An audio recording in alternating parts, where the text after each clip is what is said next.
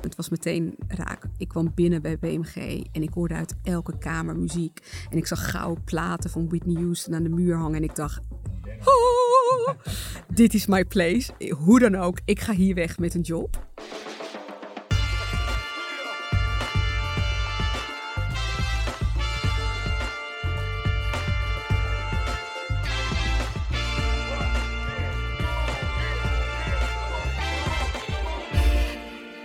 Goedemorgen, goedemiddag, goedenavond of wanneer je dit ook luistert. Welkom bij The Brief, een podcast over content, marketing en creatie van Wayne Parker Kent. Mijn naam is Gerben van der Rijt. En ik ben Charlotte van Dijk. Ja, en we gaan het vandaag hebben over personal branding aan de hand van een campagne die een van de grootste Nederlandse successen was in Cannes dit jaar. Ja, misschien heb je hem wel voorbij zien komen. Het was de Mijn naam is Peter campagne. Wat heb jij, uh, wat heb jij daarvan meegekregen? Begin dit jaar was het volgens mij? Ja, nou ja, je zag het echt overal. Ik, uh, vooral op LinkedIn natuurlijk. Uh, meerdere vrouwen die hun naam veranderden in Peter. Uh, voor de bekendheid van meer vrouwen in de top. Ja, ik, ik zag het wel echt overal voorbij komen. Heb je ook nog bekende, uh, waren er nog mensen die jou, tegen jou begonnen over die campagne? Nou, ik weet wel dat ik het met een paar mensen er echt over heb gehad. Um, en ik heb zelfs van een vriendinnetje gehoord dat haar vader dacht dat iemand uh, van een, uh, een vrouw een man werd geworden. Dus die zichzelf toen Peter ging noemen en dat dat even helemaal de andere kant op ging. Die dacht dat er meer veranderd was dan alleen een LinkedIn-profiel. Precies, dus dat was even een soort van een grap. Maar dat was uh, toen hij eenmaal begreep wat er aan de hand was, toen was het ook wel weer, vond hij het ook wel heel mooi. Ja. Dus het, het was wel spraakmakend. Dat was het zeker. En gelukkig gaan wij het er niet alleen met z'n twee over hebben vandaag, maar uh, doen we dat met Nancy Pollion. Zij stond uh, aan de wieg van deze spraakmakende campagne. Maar ze heeft wel meer gedaan dan, dan dat ook. Ze heeft namelijk best wel een bijzonder verleden in de entertainmentwereld. Ze heeft onder andere gewerkt met Alicia Keys, niet tenminste, met Prince, maar ook K3. En volgens mij zit daar nog wat mooiste verhalen in, als ik het goed heb. Zullen we haar even fatsoenlijk voorstellen? Lijkt me een goed plan. Komt-ie. Nancy Pollion is een van de meest invloedrijke vrouwelijke stemmen van Nederland. We kennen haar nu vooral van Branded You, een personal branding instituut waarmee ze vrouwen helpt door te breken in het bedrijfsleven. Maar ze begon haar carrière in de entertainmentwereld. Begin jaren 0 deed zij de marketing voor grote artiesten als Prince, Alicia Keys, Pink en K3. In 2002 werd ze zelfs uitgeroepen tot een van de 12 beste marketeers van Nederland. En al die ervaring komt goed van pas in haar huidige werk voor Branded You. Of zoals marketingblog Frank Watching het zei, ook voor bedrijven werkt personal branding, want met grijze muizen onderscheid je je niet. Haar meest opvallende wapenfeit is dus de campagne Mijn naam is Peter. Een campagne die een paar weken terug in Cannes werd beloond met brons in de categorie media. We zijn blij dat ze bij ons langs wilde komen en daar uitgebreid over wil vertellen. Welkom Nancy. Ja, dankjewel.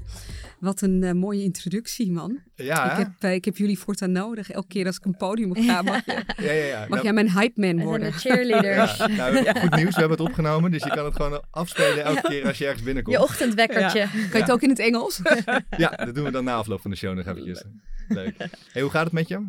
Ja, goed. Mooie intro. Ik, um, ja, we waren erg blij. Ik heb natuurlijk de campagne niet in mijn eentje gedaan. Hè. We hadden wel de Family en uh, Women Inc. En uh, op een of andere manier werkte dat goed met z'n drieën. We vonden het natuurlijk alle drie enorm belangrijk. En um, ja, we waren echt heel erg blij. Het was geloof ik de best use of social media ja. in Cannes. Ja, een hele eer. Ja, enorme eer. Na twee, uh, ik geloof was het nou Spanje en de Verenigde Arabische Emiraten of zo, die 1 en 2 waren. Dus Nederland, Netherlands 3. Ja. Net de Songfestival, ja, weet ja, je wel. Precies, ja. Dus dat was wel erg mooi, ja. ja. Nou, we gaan het er zo uh, flink over hebben. Um, maar we beginnen onze podcast altijd met een vaste rubriek. Wat is de beste content die jij de afgelopen tijd gezien, gehoord of gelezen hebt? Ja, ik neem vrij op 1 juli de Kitty Kotti viering. Ja. Dus uh, het was een oproep. Um, ik denk dat het georganiseerd is door de Black Archives en Tony Chocoloni en nog een aantal andere bedrijven die ik niet helemaal meer ken of weet. Um, Funix heeft geloof ik ook meegedaan. En het doel is om um, uh, het einde, de afschaffing van de slavernij te vieren. Het wordt natuurlijk in het Caribisch gebied enorm gevierd. Ik kom zelf uit Suriname en ik weet dat daar gewoon echt een nationale feestdag is. En heel groot wordt gevierd ook. Ja, en terecht. En, ja, en terecht. En we moeten allemaal willen vieren dat we vrij kunnen zijn. Hè? En, um, en het is zo'n belangrijk deel van de Nederlandse geschiedenis, slavernij. Ik denk dat heel veel mensen het niet weten. Het wordt zo weinig op school uh, nog meegenomen in de, in de schoolboeken. En mensen hebben ook helemaal niet door dat slavenhandel, dat dat een enorme inkomstenbron was. Dus het afschaffen daarvan, daarvan uh, ja, dat mag wel gevierd worden. Ja. En hoe zag de campagne er dan uit? De campagne zag eruit dat je, ehm, je kon naar een website en dan kon je een foto van jezelf uploaden. En de branding en marketing was natuurlijk overal hetzelfde. Je kon ook een, een copytekst meenemen, uh, zeg maar een copy meenemen. En, ehm, of zelf aanpassen, maar ik denk dat iedereen gewoon hetzelfde gebruikte. En het was overal te zien. Dus van LinkedIn tot Facebook tot Instagram. En omdat het natuurlijk dezelfde branding was, was het heel makkelijk herkenbaar. En op LinkedIn is het al door het algoritme daar nog sneller gegaan, geloof ik. Ja. Maar ik zag hem ook uh, voorbij komen en ik ben gelijk uh, naar die website, want iedereen deelde natuurlijk ook de link van, oh hier kan je meedoen. Ja. En um, ik denk dat mensen die het belangrijk vonden er wel gelijk hebben meegedaan. En ook bedrijven zag ik uh, het voorbij.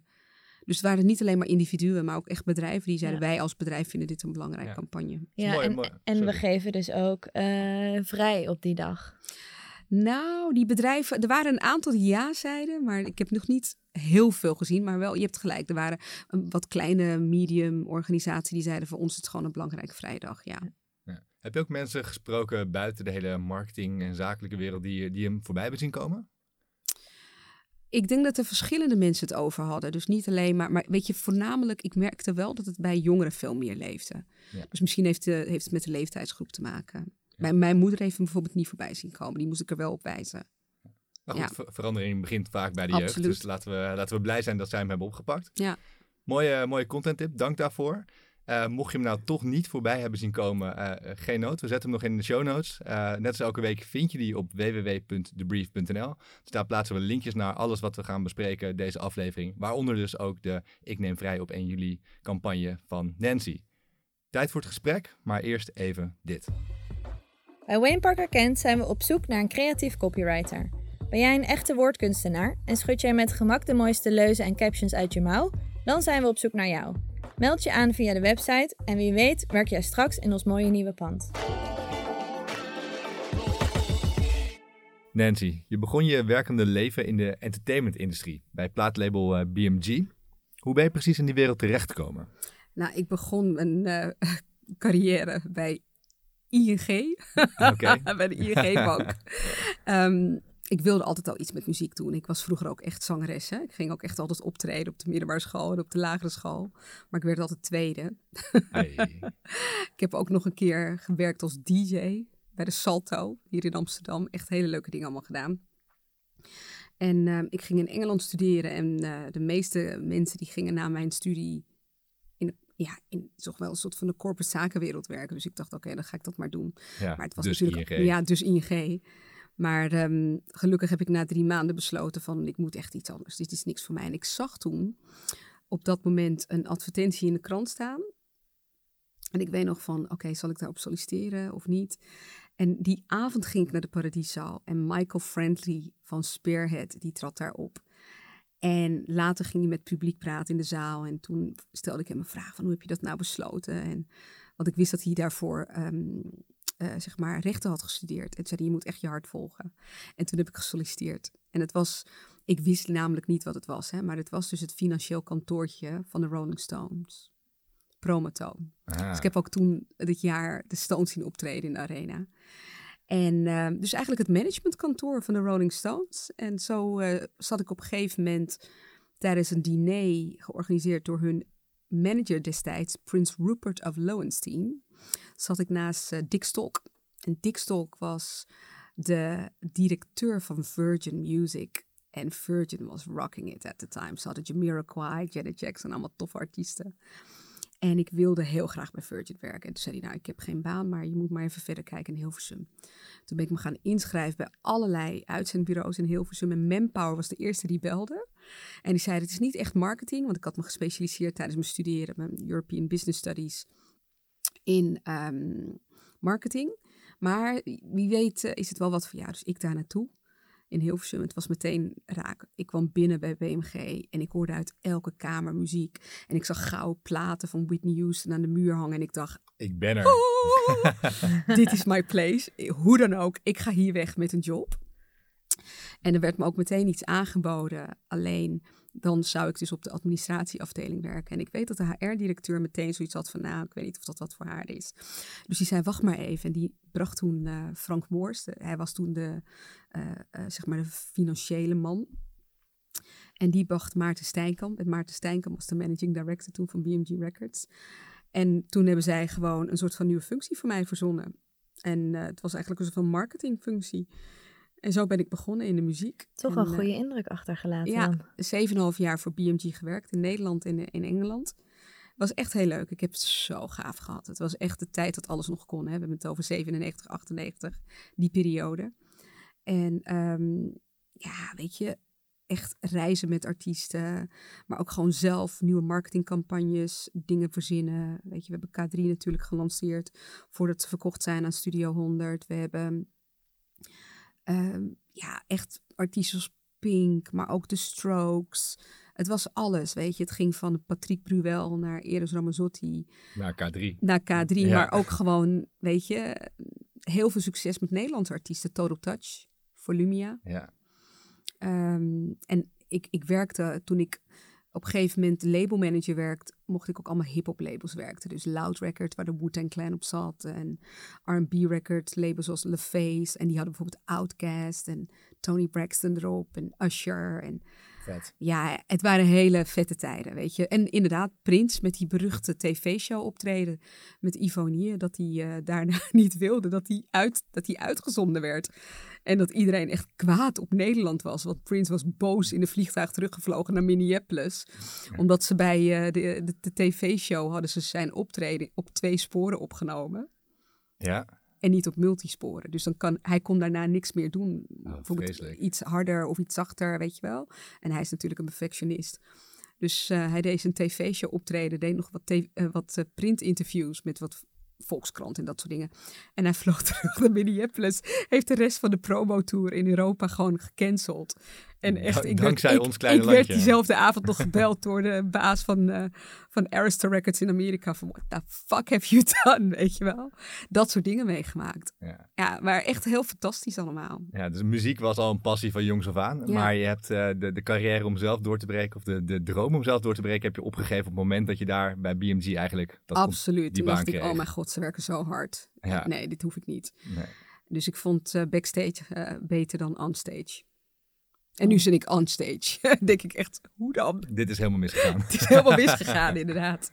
Nee, maar het, het waren echt hele mooie tijden. Ik heb ook heel veel geleerd over marketing. Hoe je dus... Ik bedoel, we hebben zoveel verschillende artiesten. Die hebben allemaal een andere doelgroep. K3 is niet dezelfde manier, weet je, in de markt te zetten als een Usher. En een Usher doe je niet als de Strokes of de Foo Fighters. Dus je moet elke keer eigenlijk maar met één ding bezig zijn. En dat is hoe breng je de emotie van die artiesten en de liedjes naar de juiste doelgroep? Hoe vermarket je dan? Hoe, how do you set up the record? Zoals wij dat zeiden. Hoe zorg je ervoor dat er vraag gecreëerd wordt naar de muziek? En, en ben je dan tegelijkertijd met verschillende artiesten bezig, Ja. continu? Of gaat dat eigenlijk per CD-lounge? Nou, je- ik, ehm, ik, ik was verantwoordelijk voor een aantal labels. Dus het zou zo kunnen. Ik heb ook periodes meegemaakt dat ik echt dacht: hoe ga ik dit doen in godsnaam? We hebben zoveel artiesten die belangrijk zijn, dus die als European priority werden gezien. Hè? Dus we hadden verschillende markets. Dus je had de, weet je, North America en Latin America. En dan had je Europe en dan had je Asia, weet je wel. Dus wij hadden dan bijvoorbeeld voor Europa een aantal prioriteiten. En dat kon nog wel eens veranderen voor Zuid-Europa en Noord-Europa. En Nederland was wel een topland. Wij deden het goed. Hè? En wij, waren ook, wij konden ook artiesten lanceren voordat ze in andere landen doorbraken. Angie Stone is daar een goed voorbeeld van. We waren het eerste land met een gouden plaat. Alicia Keys. Waar- waarom Eerst- was dat? Waarom, waarom zijn wij zo bijzonder? Wat dat betreft. Toen. Toen. ik weet het niet hoor, ik maak maar een grapje. Heel veel nuances. Maar... Ehm, ja, ik, eh, ik denk dat ehm, we waren best wel een goed muziekland. En ehm er er kon wel eens wat gek hier, gek hier gebeuren. Ik weet dat Buckshot LeFunk met Another Day alleen in Nederland een hit had. En, Wat, serieus? Was ja. dat alleen in Nederland? Ja. Als je het en mij zou All vragen, at Once je, bijvoorbeeld voor Whitney Ja. Houston hebben ze ook niet overal uitgebracht. Wel hier. Ja. Dus ehm, een unieke markt. Beetje een En, testmarkt. en, wij, misschien. en, en wij kochten platen. Dus ook wel, weet je, destijds toen ik erin werkte was 50.000 cd's, was goud. En dat was best wel wat. Ja, als je beseft dat België 25.000 cd's goud was. En, in, Dus- en in de States? Waar, wat is het daar? Oh, dat- toen was het 500.000. Ja. Dus dat zijn wel grote verschillen, ja. Ja. En dan heb je natuurlijk met heel veel verschillende artiesten gewerkt. Je Ja. noemde er net al een paar. Maar toen we jou vroegen van wat jouw grootste succesverhaal was, zei je K3. Ja, absoluut. Kan je vertellen wat daar is gebeurd? Wat, hoe, hoe is dat gegaan? Ik heb echt maanden nee gezegd. Maanden kwam de directeur destijds naar beneden en die zei: Luister, hier moet je wat mee doen. Dit is zo groot in België. Ik krijg het niet eens meer, weet je, uit de CD spelen, omdat mijn dochtertje hier gek van is. En ik dacht alleen maar: Val mij er niet mee lastig. Ga alsjeblieft iemand anders opzoeken. Er waren op dat moment drie product managers of label managers. En ik dacht echt: waarom moet ik dit doen? En er was iemand toen mee gestart en, en hij wilde toen gegeven dat ik het ook ging doen. Hij was zeg maar mijn leidinggevende. En ik dacht echt, ik vond het echt een soort van nep Spice Girls, weet je wel. Weet je, Zo dus- werden ze in het begin natuurlijk ook eigenlijk Ja. een beetje gelanceerd. Totdat ik zelf een keer meeging naar een show en ik zag wat het met de meiden deed. En toen dacht ik, oké.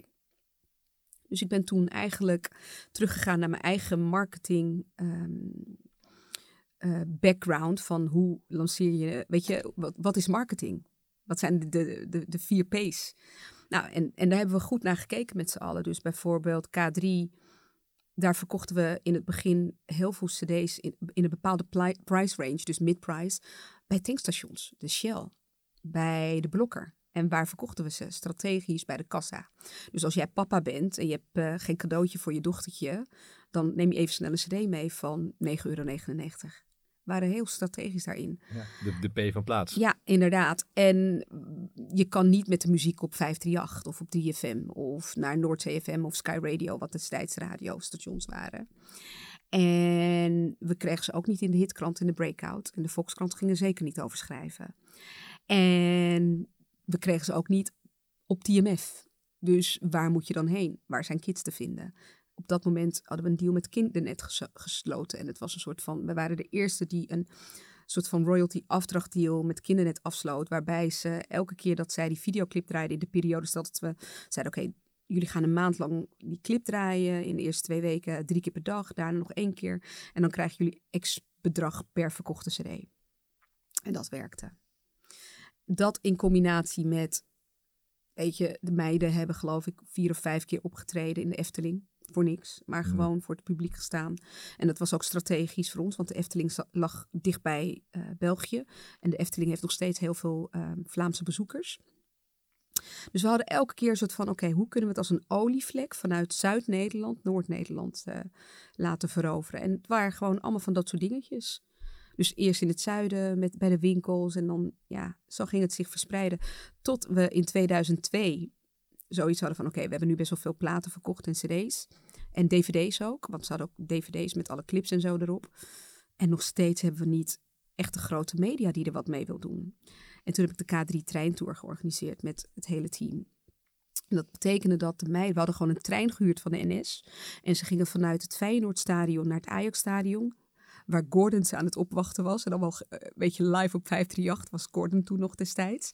En toen gingen we naar eh, Utrecht. En we eindigden op het treinstation in Eindhoven. En dat was chaos. Ouders die met hun kinderen op daken van het treinstation stonden. Wij hadden het NOS Journaal gehaald. Voorpagina van de Telegraaf. En toen wist heel Nederland wie K3 was. En dat was mijn revenge moment. Ja. Want toen dacht ik echt van niemand die er wat mee te maken wilde hebben, konden ze er niet meer omheen. En dat was wel een briljante marketingactie. Ja, toch Het een was een hele Spice gekke- Girls eh Ja. gekte ook uiteindelijk wel. Ah, maar weet je hoe bang wij waren? Ik zat daar echt, ik reed die ochtend om zes uur 's ochtends met knikkende knieën naar het Feyenoordstadion. Ik dacht, wat als er niemand opkomt dagen? Ja. Wij hadden een oproep gedaan. Maar wat als niemand komt opdagen? Zit je daar? Tienduizenden euro's uitgegeven. En je moet het zo zien. Wij hadden portocabbins ingehuurd. Security. We hadden zoveel... Ik bedoel, het was een productie, hè? Het was bizar. En je hebt met kinderen te maken. Dus je wil ook dat die kids, die twee tot tienjarige meiden, weet je, dat, het, dat ze het goed kunnen zien. En je hebt zoveel dingen waar je je zorgen om maakt. Het is een enorme productie. En toen we daar aankwamen en oké, er stonden 7000 mensen bij het Feyenoord. En toen werd het gekkenhuis bij, weet je, toen waren we al natuurlijk in die trein. Want je kon dan kaartjes winnen en dan kon je in de trein mee van, van Rotterdam naar Amsterdam. Van Amsterdam naar Utrecht en dan van Utrecht naar Eindhoven. En dan moest je zelf maar je vervoer weer terug naar je huis regelen. Maar dat was elke keer één ritje. Dus dan, als je van Rotterdam naar Amsterdam ging, dan ging je weer terug. Maar voor mij was het een mooi moment, omdat het, het, het had een aantal elementen die ik nu nog steeds gebruik. Namelijk ehm, awareness creëren. Van oké, dit is iets wat echt belangrijk is. Of iets wat, waar mensen over praten, maar waar de mainstream nog niks van weet. En hoe belangrijk dat is dat je goed nadenkt over je doelgroep.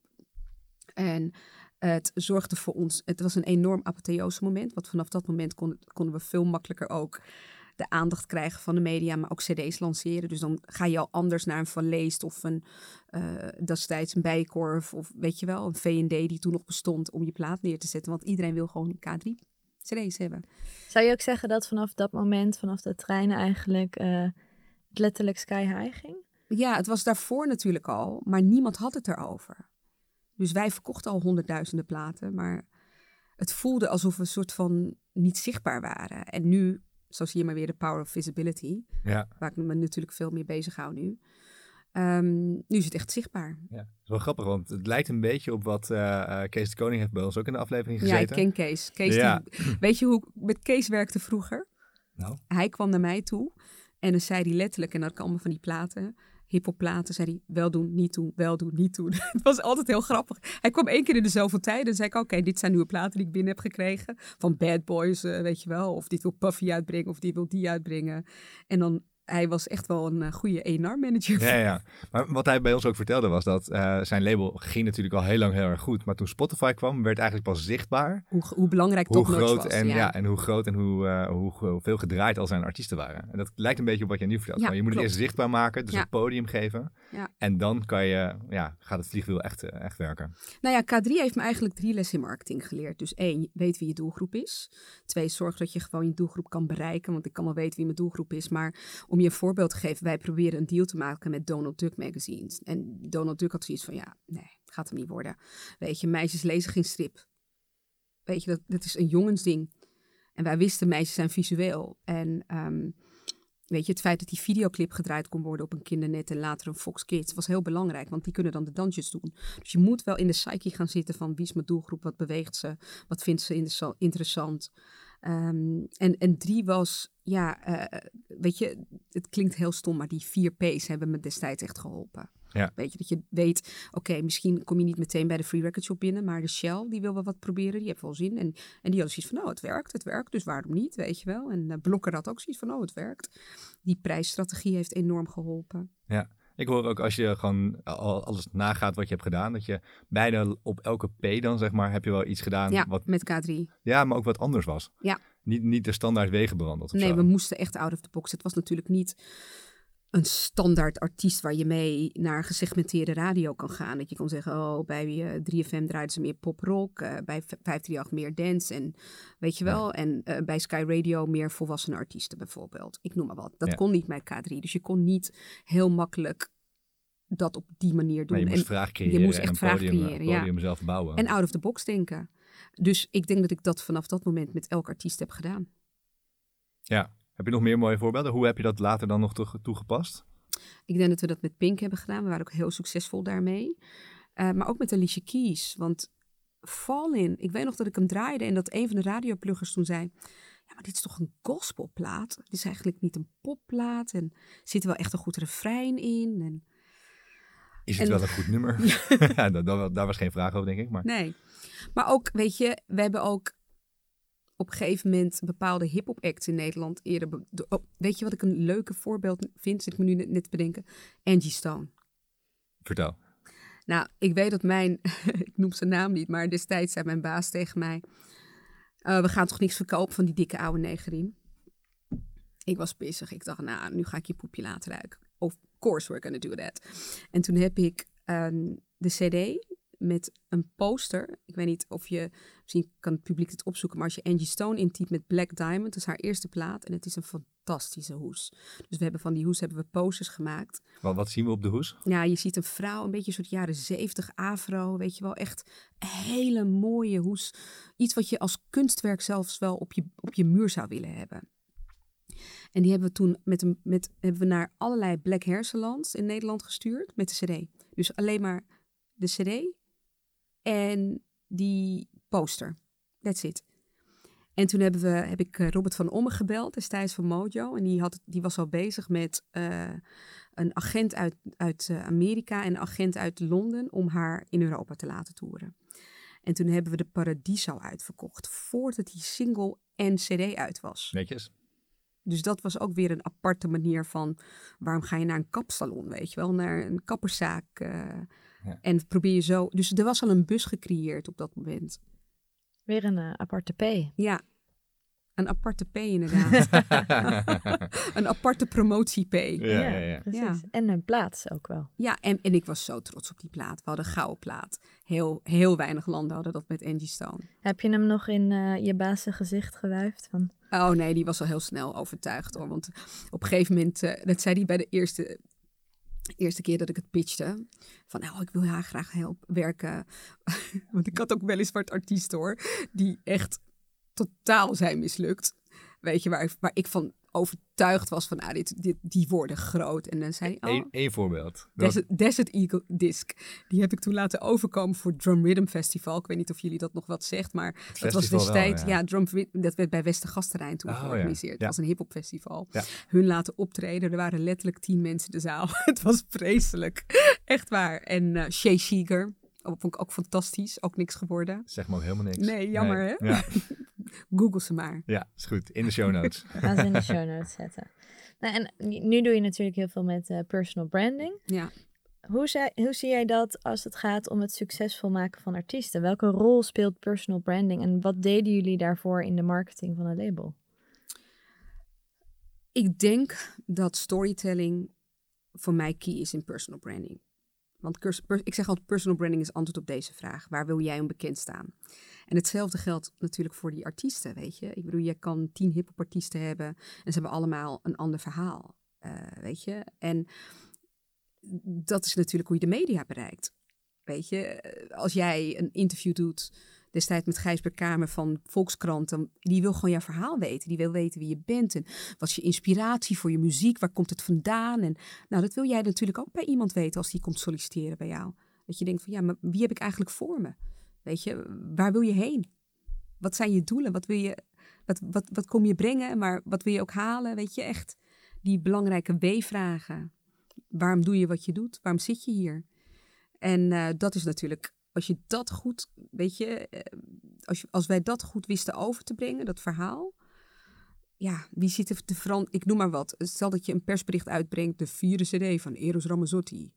Ja, nee, dan wil je gewoon horen. Eros Ramazzotti heeft zich laten inspireren door de scheiding. Weet je wel, ik noem maar wat voor zijn vierde CD. Toch? Je wilt dan het verhaal erachter weten.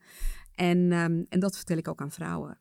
En storytelling kan je alleen maar doen als je zichtbaar bent. Daar moet je een publiek voor opzoeken. En ehm, voor de artiesten destijds was het gewoon een, een, een emotionele connectie die je daarmee maakt. Ehm, je hebt al een emotionele connectie die je maakt door middel van de liedjes. Maar het gaat dieper als jij gewoon weet... oh mijn god, Lady Gaga was echt helemaal down toen ze dit schreef. Ja. Weet je wel, ik noem maar wat, toch? Dus gewoon Dan een voel je extra dat- laag ja, een extra aan het diepte. platte product, zeg maar, van Ja. een- wat een album kan zijn of een single kan zijn. Ja. Ja, snap ik. Nou, ik heb ook vaak het idee dat Amerikanen personal branding en jezelf vers- eh, verkopen eh, meer door hun aderen hebben stromen dan wij Nederlanders. Als ik met Ja, ik, vind- Amerikanen ik word ook praat, helemaal dan- pissig als jij zegt, of beledigd moet ik zeggen, jezelf verkopen. Ja, dat vind is dat ook zo- niet het goede woord. Nee, dat, dat vind ik niet het goede woord. Want iedereen heeft al een reputatie. En ik zeg altijd, je reputatie kan voor je werken of het kan tegen je werken. Als jij weet wat je wilt dat mensen over je zeggen, dan ben je met personal branding bezig. Als jij je niet bewust bent van dat jij als jij een kamer binnenloopt, hoe jij die kamer binnenloopt, dat dat impact heeft op jou en je carrière als iemand die ergens werkt, ja, dan die bewustzijn, dat is wat ik probeer te creëren bij vrouwen. En heel veel artiesten waren zich daar al van bewust.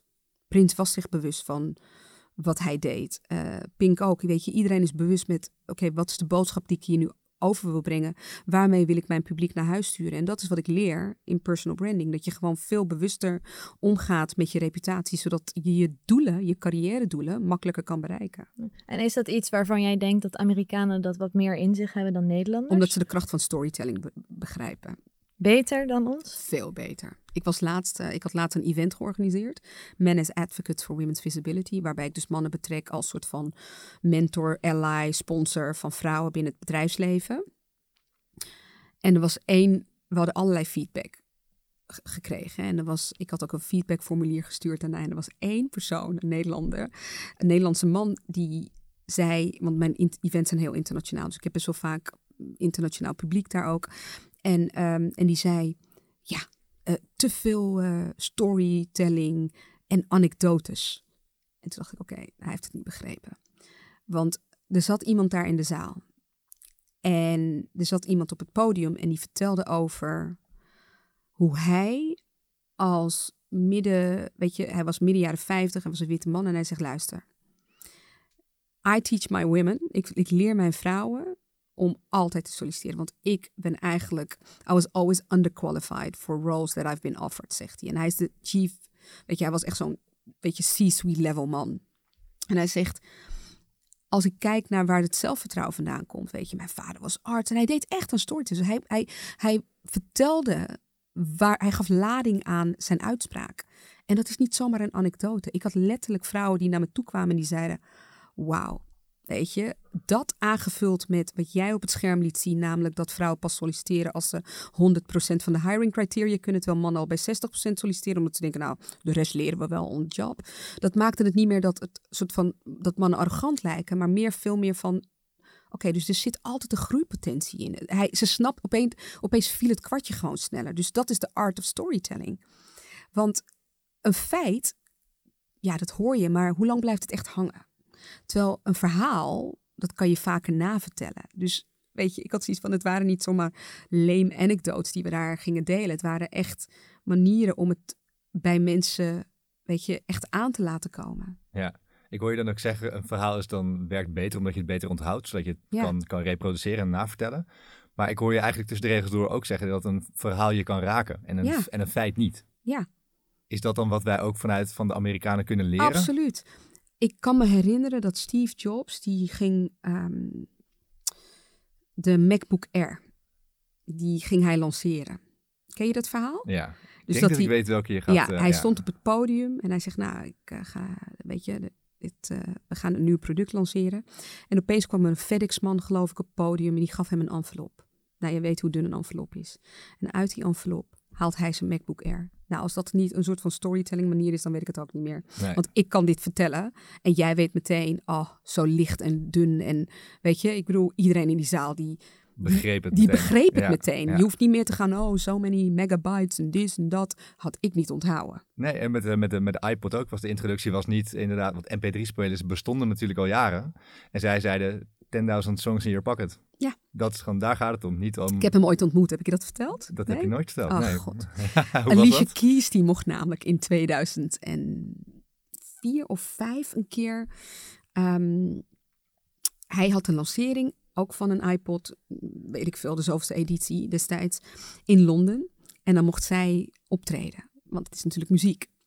En toen kwam hij backstage, kwam hij ons allemaal een handje geven. En zo was wel echt eh, bijzonder. Ja. Even een momentje. Even een momentje. Nou moet ik wel zeggen dat we allemaal daar een iPod... We wilden allemaal een iPod. En het, het heeft maanden geduurd voordat ik Apple zover kreeg om ons een gratis iPod te sturen. Maar ik Weet heb je, Steve Jobs ontmoet. maar ik heb Steve Jobs Ja, precies. Ja, Hey, kan dat, kan dat, eh, dat, dat bewustzijn wat je nodig hebt om, om je verhaal en, en eh, t- ja, je personal brand goed neer te zetten, kan dat bewustzijn ook doorslaan, denk je? Kan dat ook keerzijdes hebben?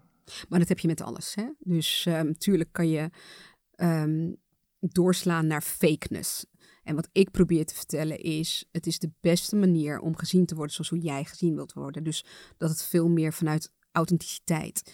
Mijn personal branding programma's die, die focussen zich ook niet op de buiten, weet je, dat van wat buiten afkomt. Dus je hebt een aantal mensen die zeggen, oh doe even eh, je haar even wat anders en eh, weet je, treed, kleed je even wat hipper, dan Dat is imago. dan, dan zie je, dan zie, ja, voor mij is dat imago. Ja. Dus dat is niks met, weet je, dat komt van buitenaf en het is gebaseerd op de verwachtingen van anderen. Terwijl personal branding is veel meer van binnenuit. Wie wil ik zijn? Waar wil ik achter staan? Wat zijn mijn beliefs? Weet je wel? En dat merkte ik bij de artiesten. Je hebt one-hit wonders die vaak gewoon zeiden copy-paste en we gaan dit nadoen. Of je had echt mensen die van binnenuit zeiden dit is wie we willen zijn. En die hadden ook daardoor vaker een langdurige carrière. Want imago is net een masker, hè? dat doe je op en dat doe je af. En dan wie ben je eigenlijk meer? Ben je zelf nog wel Weet je, dit is waarom ik het makkelijker vond om met muziekartiesten te dealen dan met acteurs bijvoorbeeld. Want die doen elke keer een andere rol. En het is dan voor hun moeilijker om uit die rol te stappen. Terwijl, weet je, Slash staat gewoon op, op het podium als Slash. Ja. Weet je, dit is Hij is gewoon, wie hij hij is is. gewoon wie Ja. hij is. Hij is gewoon een gitarist, weet je. Hij vindt het gewoon tof wat hij doet. Na het laten stralen van verschillende artiesten eh, ben je begonnen met Branded You, Ja. je eigen bedrijf. Daarmee geef je vrouwen de tools en een, eh, ja, eigenlijk een accelerator programma om hun carrière een boost te geven. Kun je ons eens meenemen? Hoe is Branded You ontstaan? Ik eh, werkte destijds als vrijwilliger voor TEDx Amsterdam Women. En ik zag het effect wat rolmodellen hadden op die zaal. Dus dat jij een verhaal kon horen en dat daarna vrouwen naar me toe kwamen en zeiden: Oh mijn god, ik ga die promotie vragen of eh, ik ga voor mezelf beginnen. En ik dacht, er moet een manier zijn om dit vaker te doen. Dus eigenlijk zijn we meer begonnen als ehm, we gaan laten zien dat die rolmodellen personal branding doen. Dus ik belde met die vrouw en ik zei: Oké, Jij bent nu de CEO, hè, Liesbeth Richter, van Money You destijds. Hoe ben je daar gekomen? Zei ze, nou, eh, weet je, ik moest van mijn beperkende gedachten af. En zei ik, grappig, dat is een onderdeel van mijn personal branding programma. Get rid of your limiting beliefs. En dan ging zij een verhaal vertellen op het podium hoe zij dat had gedaan. Of dan eh, belde ik ehm, met iemand en dan zei ik van... hé, hey, eh, weet je, hoe heb jij die rol gekregen? Bijvoorbeeld nu een, een- een vriendin van mij die is doof. Die kan niet met haar tolk naar een sollicitatiegesprek. Dus die, die heeft door middel van heel veel netwerken op, op eh, bepaalde events en een bepaalde manier haar, haar carrière weten op te bouwen. Dus ik liet aan vrouwen zien die tien stappen die ik had bedacht, Mhm. die ik van artiesten had geleerd. Elke stap was geïnspireerd door een artiest. Eh, bijvoorbeeld het netwerk heb ik van Simon en Kipski geleerd. Dat is een bandje die ik managede uit Utrecht. Ehm, weet je, elk, elk stap had ik wel iets waarvan ik dacht, oh ja, dat, dat kan ik me nog herinneren van hoe die dat oppakte. En, Is, is dat ook waarom je het een rock and roll programma noemt eigenlijk? Ja, omdat het geïnspireerd is door artiesten. Maar de lessen zijn gewoon persoonlijke ontwikkelinglessen. Weet je, bijvoorbeeld weet wat je wilt doen en toon je authentieke zelf. Dat is eigenlijk antwoord op de vraag, waar sta ik over vijf jaar? Ja, want je, je noemde net al, je hebt, je hebt tien stappen in, Ja. je, in je programma. En in je belangrijkste programma volgens mij. Want je biedt meer programma's aan dan alleen maar één. Ehm, waar, waar- wat is de eerste les? Waar, waar laat je mensen mee beginnen? Wat is, wat is stap één? Altijd perceptie. Hoe wil ik gezien worden? Want als jij niet weet hoe je gezien wilt worden, kan je niks gaan opbouwen. Dus het komt da- daar vandaan. En dat is toch ook best moeilijk? Dat is best een grote vraag. Ja, Het is een beetje zo van, wie ben je? Nou ja, het is eigenlijk de vraag: wat vind jij belangrijk? Ben jij bezig met duurzaamheid, bijvoorbeeld? Ehm, dan zou ik het heel nep vinden als jij dan opeens heel veel de auto je gaat rijden of zo. Snap je wat ik bedoel? Dus je Mhm. bent gewoon, het gaat meer om wie inderdaad wie ben ik, maar wel vanuit wat vind ik belangrijk. En dat zijn soort van pro- ja, stappen die je met zo'n... En het zijn, weet je, perceptie begint ook van buitenaf. Hè? Dus een van de oefeningen die ik vrouwen laat doen, is dat ik zeg: Oké, schrijf gewoon even een aantal woorden op waarmee je geassocieerd wilt worden. Dus het zijn allemaal oefeningen. Ik geef Ja. je nu even één. En dan kan een vraag zijn: ga naar je tien collega's toe en vraag welke drie woorden zij jou het meeste mee associëren. Ze mogen alleen een positief antwoord geven. ja, want het heeft geen zin om een personal brand op te bouwen met rock als je komt met: Oh, dit is niet goed aan jou. Je wilt wel dat het natuurlijk iets is waarmee je kan rocken, weet je wel. Ja. Ehm, ik bedoel, je gaat ook geen huis bouwen met slechte materialen. En this is like you building your house. Dus de basis moet goed zijn. Dus stel dat iemand nu tegen jou zegt, nou, ehm, vind je loyaal. Ehm, in meetings ben je altijd creatief. Je denkt altijd out of the box. Nou, dan kijk je naar je eigen lijst en dan kijk je van, oh, wacht even. Zit er een gat in perceptie of zie ik woorden die ik zelf ook had opgeschreven? En dan, als het zo is dat er een enorm gat is, dan weet je, I've got work to do. Dan weet je gewoon, ik moet echt, dit is werk aan de winkel, weet je. Ik moet nu aan de slag. Ja. Dus door middel van die vragen die ik stel, is het ook makkelijker hè, om het in te vullen. Ja, precies. Mooi. En, en nou ja, zonder je complete programma te verklappen, zie je ook bijvoorbeeld dingen die je vooral niet moet doen? Wat zou je, als je werkt aan je perso- personal brand, wat zijn dan dingen die, je- waarvan je zegt, daar kan je maar beter niet aan beginnen? Nou, ik denk dat ehm, het belangrijkste is dat je je goed voelt. over alles wat je aan het bouwen bent. Dus ik focus dan ook altijd op de positieve dingen. Weet je, vrouwen hebben mij wel eens gevraagd: ja, maar waarom staat er niet een vraag over working on my weaknesses? zeg ik, ja, vind ik niet interessant.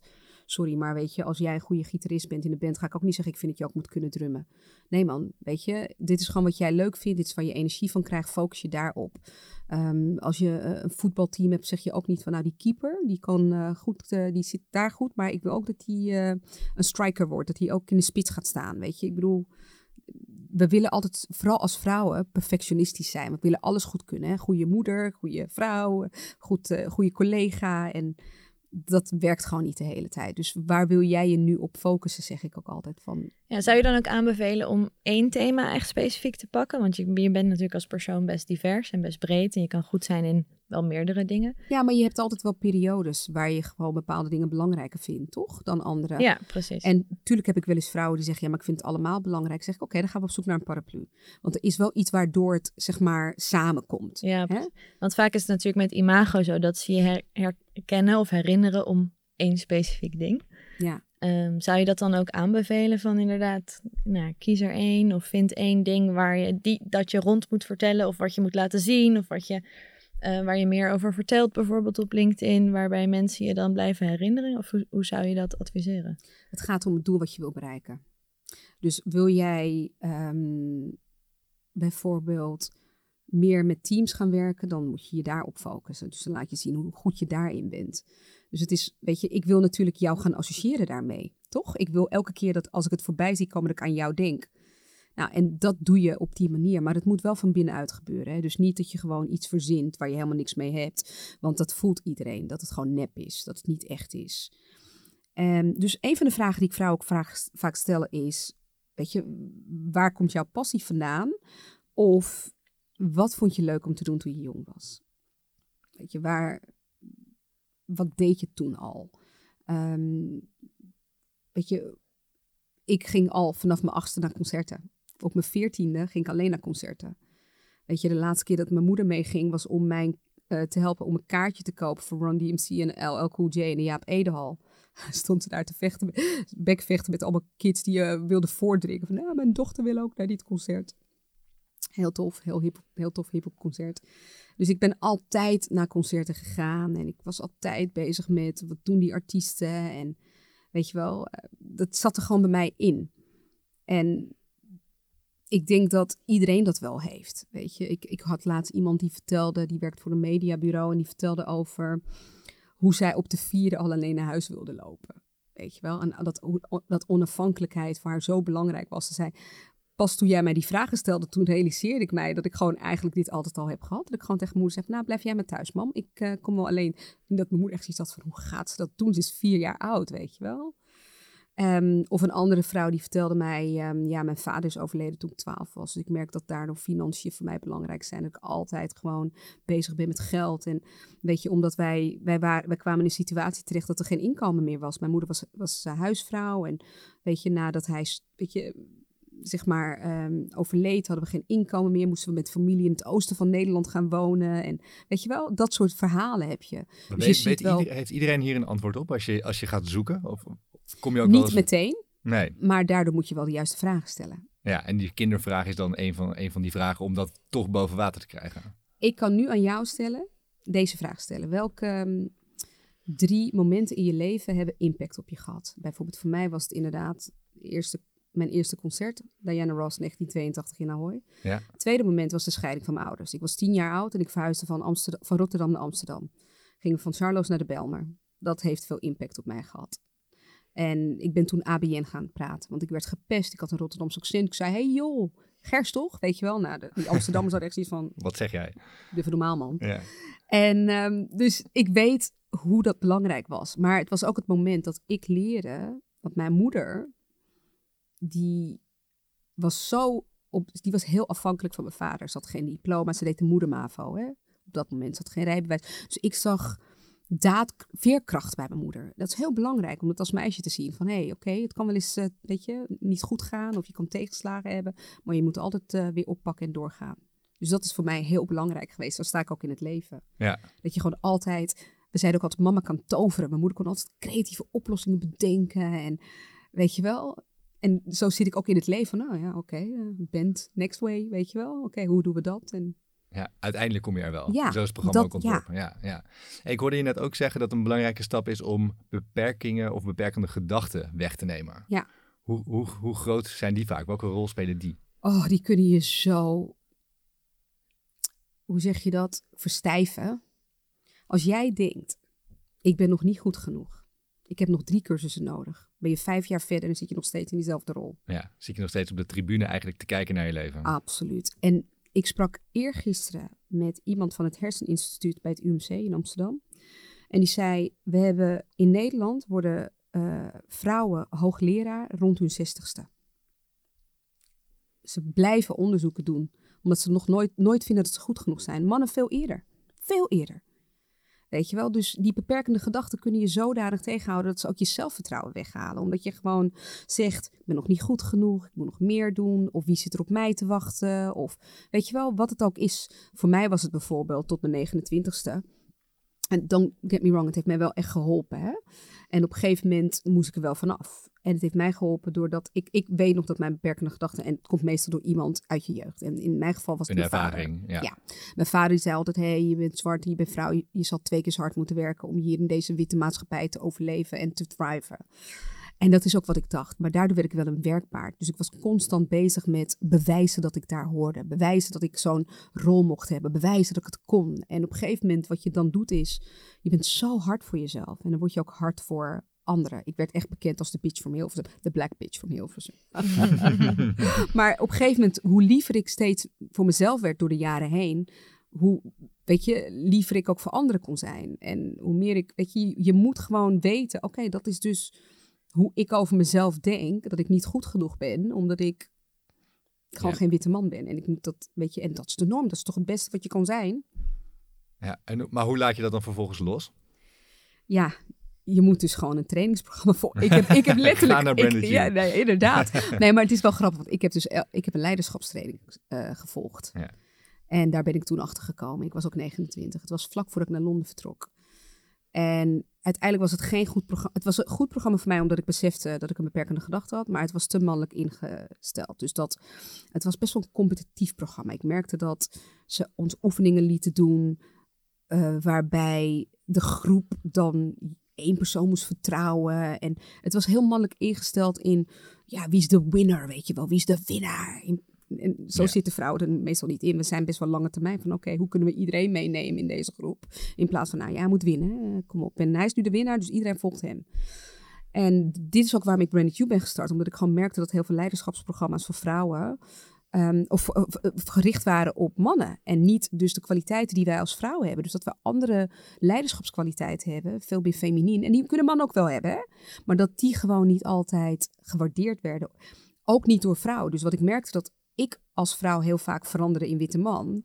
Maar dan heb je mij niet, weet je, dan zit je niet in een divers team meer. Want dan probeer ik te doen wat iedereen doet, toch? je bent eigenlijk een andere wedstrijd aan het spelen. Dan is het opeens een soort van, weet je, homogeen. Dan heb je niet die diversiteit. Dus hoe zorg je ervoor dat iedereen zichzelf blijft? En dus niet elke keer bezig is met, ja, zich aanpassen. En als en je dus ook het zelfvertrouwen hebt om dus anders dus te zijn. maar dat begint al met, wat leren we iedereen? Ja. Toch? Dus als je iedereen vanuit het mannelijk perspectief naar leiderschap laat kijken, want dat is een leider, weet je, zo ziet een leider eruit. Een winnaar, sterk, ja, krachtig. Ja, ja, weet je wel, dat zijn de kwaliteiten die we nodig hebben.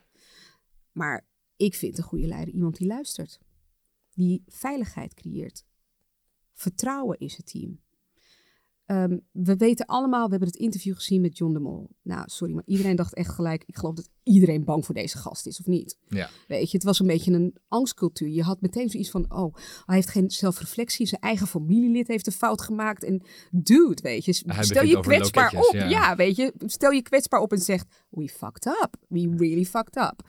En we gaan het aanpassen. En ik wil dat de vrouwen meedenken. En ik wil echt aan de slag hiermee. En we willen ook meer biculturele diversiteit. En nee, en dat zag je niet bij hem. Je had daarna zoiets van, oké, I get how this became the way it was, weet je. Ik snap het nu. En dus willen we, dit, willen we meer van dit soort leiders hebben? Of willen we leiders die zeggen...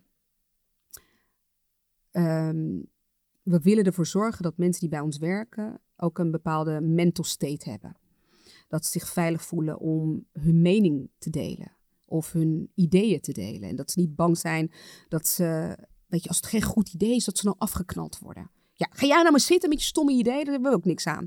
Ik kan me dat echt voorstellen dat je dat dan hoort, weet je. En dat je dan verkrampt en denkt, oh, angstcultuur, weet je Ja. wel. Dus wat voor soort leiders willen we hebben? En eh, ik denk dat, eh, dat, dat we allemaal eh, masculine en feminine kwaliteiten hebben. En ik wilde gewoon veel meer vanuit de femininiteit en, en de vrouwelijkheid gaan zitten. En, en ook de vrouwen laten zien dat de wereld klaar is voor meer vrouwelijke leiders. En dat er, weet je, we hebben 50% van de wereldbevolking. En jullie hebben het met die Peter-campagne. Ik bedoel, in Nederland leven we nog steeds in een land waar er van de 94 beursgenoteerde bedrijven Ja, nu zijn het er vijf om vijf. Hè? Maar er waren in ieder geval meer Peters dan vrouwen CEO's. Dus ik had echt zoiets van, Ja. we moeten wat doen. En die vrouwen zijn getalenteerd. Weet je, we, we hebben sinds 2006 meer vrouwen die afstuderen dan mannen. Dus het heeft niks te maken met intelligentie en slim zijn. En ik dacht, ze maken het niet zichtbaar. We horen niets van ze. We weten niet dat er rolmodellen zijn. Ze hebben niet mentoren om zich heen die zeggen... zo heb ik het gedaan, zo kan jij het ook doen. Weet je wel? Dus zo is mijn programma opgebouwd. Ja, Ik zeg trouwens niet fix the women, hè? maar ik zeg empower the women so we can fix the system. helder. Je noemde al heel even de Mijn naam is Peter campagne. Ehm, ik denk dat het wel tijd is om daar wat, eh, wat, wat dieper op in te zoomen. Want dat is wel een bijzondere, bijzondere campagne geweest. Ehm, voor wie hem niet kent, kun je kort uitleggen wat de campagne precies inhield. We hadden een filmpje opgenomen waarbij we mij, je zag mij dan voorbij komen en Rocky Hayakaya, die nu met uh, in eh, Engeland zit. Um, Jack van Vogue, nou allemaal vrouwen voorbij zag komen die zijn mijn naam is Peter. En aan het einde van het filmpje zag je, er zijn in Nederland meer um, CEO's die Peter heten dan vrouwelijke CEO's. En toen hebben we iedereen opgeroepen om een week lang hun LinkedIn profiel, alleen op LinkedIn, hun LinkedIn profiel uh, te veranderen en zichzelf Peter te noemen was heel lastig voor sommige mensen die konden. nou, dus in plaats van dat je dan zag uh, Charlotte, werd jij dan Peter. Dus bij mij stond er Peter Polion. En ja, het ging echt zo snel. Iedereen nam het over. En je zag het overal. Je zag het overal. En uh, het was een mooie campagne. Voor ons was het een bewustzijn. Prins Constantijn nam het over. Het is internationaal gegaan. De, de minister-president van Noorwegen. Daar werd het Arne. Weet je, de tweede grootste krant van Italië, La Repubblica, schreef erover. Nou, echt heel groot werd die campagne. En voor ons was het gewoon een bewustzijncampagne van laten we gewoon mensen bewust maken van het feit dat wij in een progressief, zogenaamd progressief land als Nederland het eigenlijk niet zo goed doen. We staan op nummer 31 in die uh, World Economic Forum lijst als het gaat om gender, weet je, gendergelijkheid. En dat is bijna net zo hoog als Mozambique. En dat zou niet moeten. Niet dat Mozambique slecht is, maar wij zouden het met alle middelen die we hebben veel beter moeten doen. Wauw. Ja, ik, ik, ik, ben nog even aan het verwerken dat wij op eenzelfde positie staan als Mozambique ja, in zo'n zo lijstje. Ja, ja. Bizar, hè? Ja. Hey, en, en kon je dan ook, um, want die campagne is op een gegeven moment ook ergens ontstaan. Ja. Vanuit, vanuit die constatering waarschijnlijk dat, je, dat, dat er ongelijkheid is in de, in de top van het bedrijfsleven? De Family die hebben een artikel gelezen wat door um, AD erover werd geschreven. Die hebben AD benaderd en Renny Rijpma, dus de eerste vrouwelijke hoofdredacteur van het AD, zit in mijn Board of Believers in Female Leadership netwerk. Zij noemde mijn naam en um, toen ben ik mee gaan denken. En Women Inc. kwam er op een gegeven moment bij en zo is het zeg maar ontstaan. Ja, handen ineen geslagen. Ja, met z'n drieën. Ja. En, hoe, en hoe kwamen jullie dan op het idee om dit te gaan doen of was dat er meteen al? Um, het idee is ook zo ontstaan, want je hebt natuurlijk gesprekken met wat werkt, wat werkt niet. En uh, gaat dit, moeten we die zin korter maken? Wat is de kopie die we erbij? Dus ja, weet je, de family is natuurlijk wel het bureau. En ik denk dat wij van Women Inc. en weet je, Brandy Hughes zoiets hebben van oké, okay, wij kennen wij weten hoe de vrouwen hierover denken. Of wij kunnen, wij zijn de doelgroep, want je wil dat wij ons naam veranderen. We hadden helemaal niet door dat er ook mannen Petra zouden worden, zoals Prins Constantijn, die werd Petrushka ja. van Oranje. Dus je weet, weet je, we wilden wel dat het hun natuurlijk, dat het één, makkelijk behapbaar was, nou, makkelijk te delen was en um, je meteen naar de kern van het probleem ging. En het werd echt een national discussion. Hè? Ik bedoel, mensen hebben echt mij gebeld van zo poe, poe. Nou, het is wel een discussie hoor, hier intern. Ja. Want er zijn natuurlijk ook mensen geweest die zeiden, ik ga mijn naam niet veranderen. Want uh, ik wil mezelf zijn. Toen zeiden we, That's the purpose of the campaign. You're right. Dat is Ja. exact wat we willen. Ja. En, en het voornaamste doel van de campagne was uiteindelijk de zichtbaarheid. Ja, voor het onderwerp. En dan had je dus nooit gedacht dat het zo viraal zou gaan. Nee, we hebben wel één geluksmomentje gehad daarvoor. En dat was natuurlijk dat we, we kwamen gelijk na het Talpa gebeuren. ja. De boos-aflevering. De boosaflevering. En ik denk dat heel veel mensen toen bewust met dit onderwerp bezig waren. Of het was in ieder geval een onderwerp van gesprek. Ja, Ik en het was helemaal niet zo bedoeld, hè? want ik zat gewoon op Curaçao. ik was gewoon vakantie aan het vieren. En daardoor moesten we de campagne later starten, want we wilden het eigenlijk aan het begin van het jaar eh, doen. Omdat eh, quota natuurlijk sinds 1 januari in ons land is. En ehm, ja, dat was eigenlijk ons ook een soort van een mooie timing rondom dat het de wet werd. Dat je nu een x percentage vrouwen, in, topvrouwen dan eh, in het bestuur en zo eh, moest hebben. Ja, en wat zou jij daarvan zien van... Het is misschien een beetje een inkoppertje, maar voor wie dat niet weet... Van wat zouden de voordelen zijn? Ben je trouwens voor het quota? Absoluut. En wat zijn de grootste voordelen van Omdat het hebben van zo'n quota? Nou, je zei het al, mijn programma's gaan om acceleration, dus versnelling. Ehm, volgens het World Economic Forum duurt het nog meer dan 100 jaar voordat we gender equality hebben, als we zo doorgaan. Dus quota is een versnelling, want je zegt eigenlijk tegen het bedrijf, je moet het gewoon doen. Klaar. Het is nu klaar, weet je. We weten dat de vrouwen slim zijn, dat ze alles kunnen en het is nu echt klaar. Je moet Ja, het gewoon... is niet eens de helft, het Nee. is een derde. Ja, en I know. Maar eh, ik geloof dat er een onderzoek geweest is in het dierenrijk. Als je 30% aanpast, dat het dan veel makkelijker is om ook de meerderheid beïnvloeden. En met 10% gaat dat niet. Of weet je wel, dat je moest. Ik geloof dat 30% dat, dat gedeelte was. Ja, Keerpunt de keerpunt inderdaad. Ja. En ehm, ja, ik, ik vind het belangrijk omdat het één, een versneller is. Twee, het maakt mensen bewust van het onderwerp. Want als jij weet, ik moet er iets mee, ga je erin verdiepen, toch? Dan denk je ook van, ja, maar waarom dan? En dan ga je uitzoeken hoe het zit. En dan kom je achter dingen zoals unconscious bias. Dus dat jouw hersenen makkelijker voor een witte man kiezen, omdat jij zelf ook een witte man bent. Dus die zien een andere witte man en die denken van, nou, eh, of jouw hersen, weet je, jij je ziet een andere witte man en je denkt, ja, maar die dude, ik heb ook in Leiden gestudeerd, ik snap dat, ik snap hem, hij mag die fouten maken.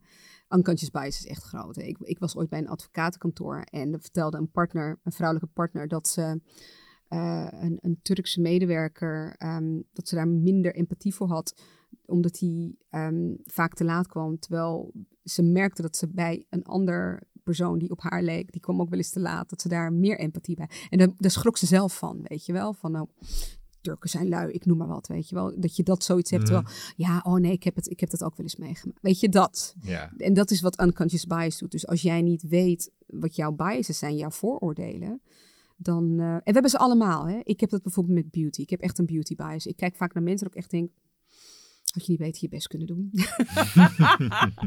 en dat denk ik vaak. En dan denk ik, kom on, weet je, ander t-shirtje aan.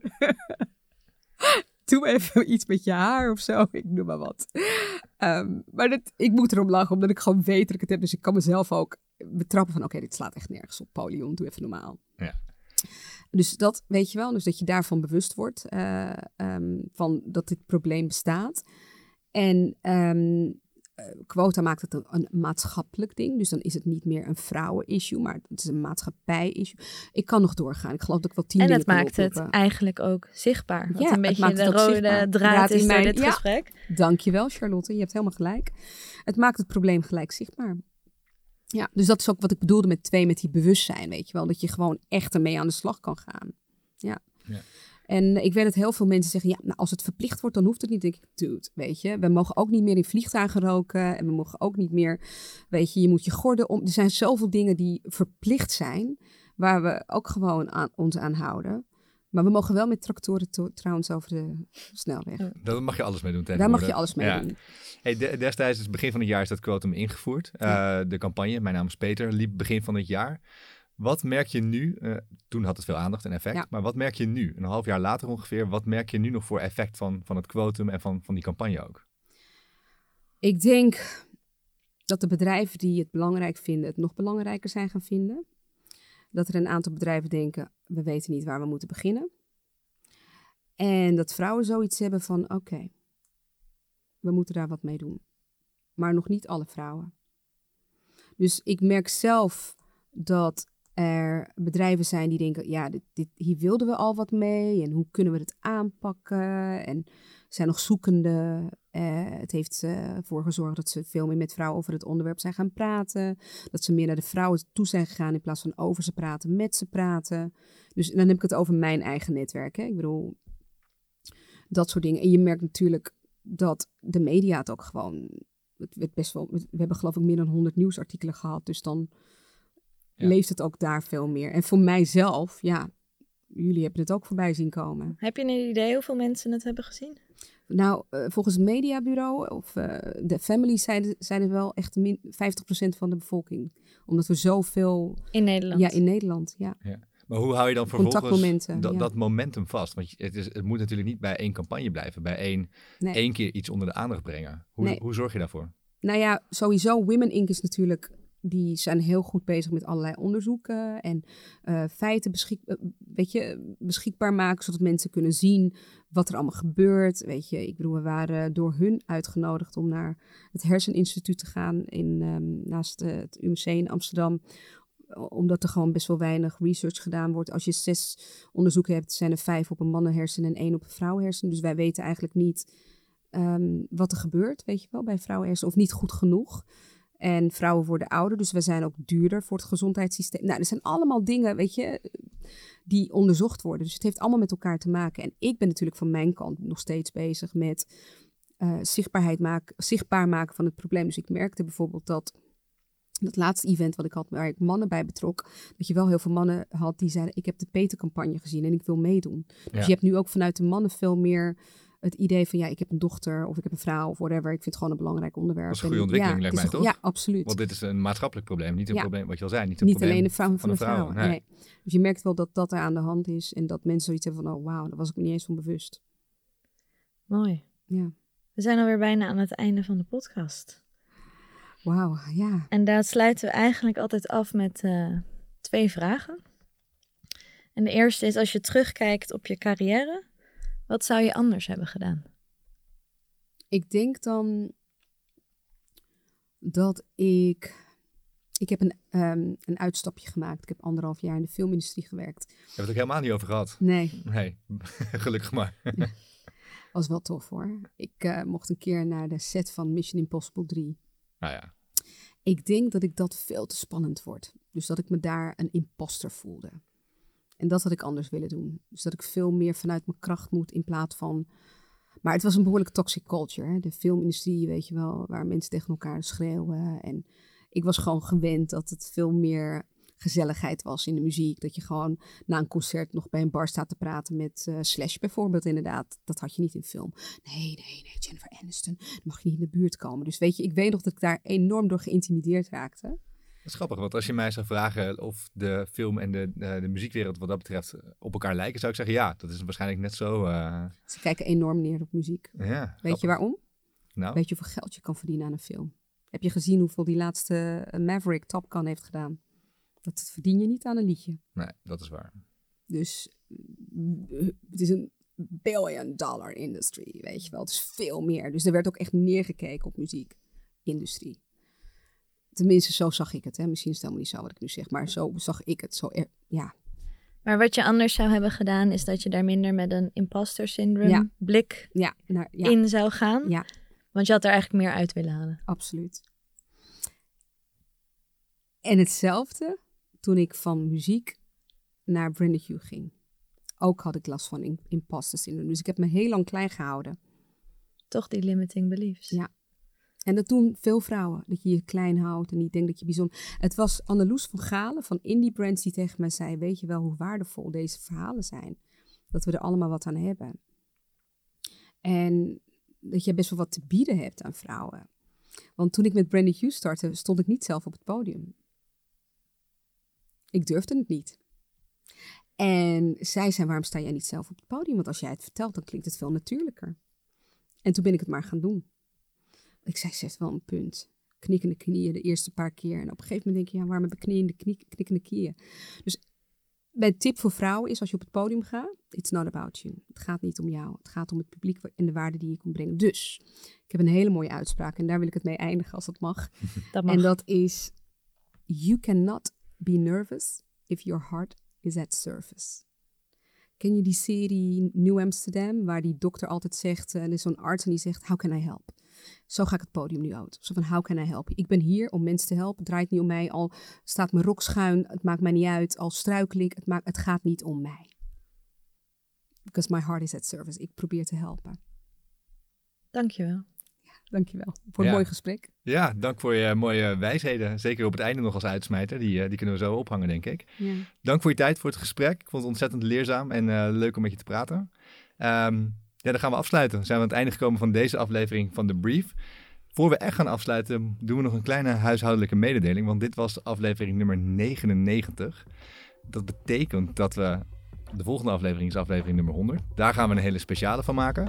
Maar voor het zover is, gaan we eerst met een kleine zomerstop. Dus de aankomende weken geen nieuwe afleveringen van The Brief. Maar na de zomer, ergens in september, begin september, komen we terug met aflevering nummer 100.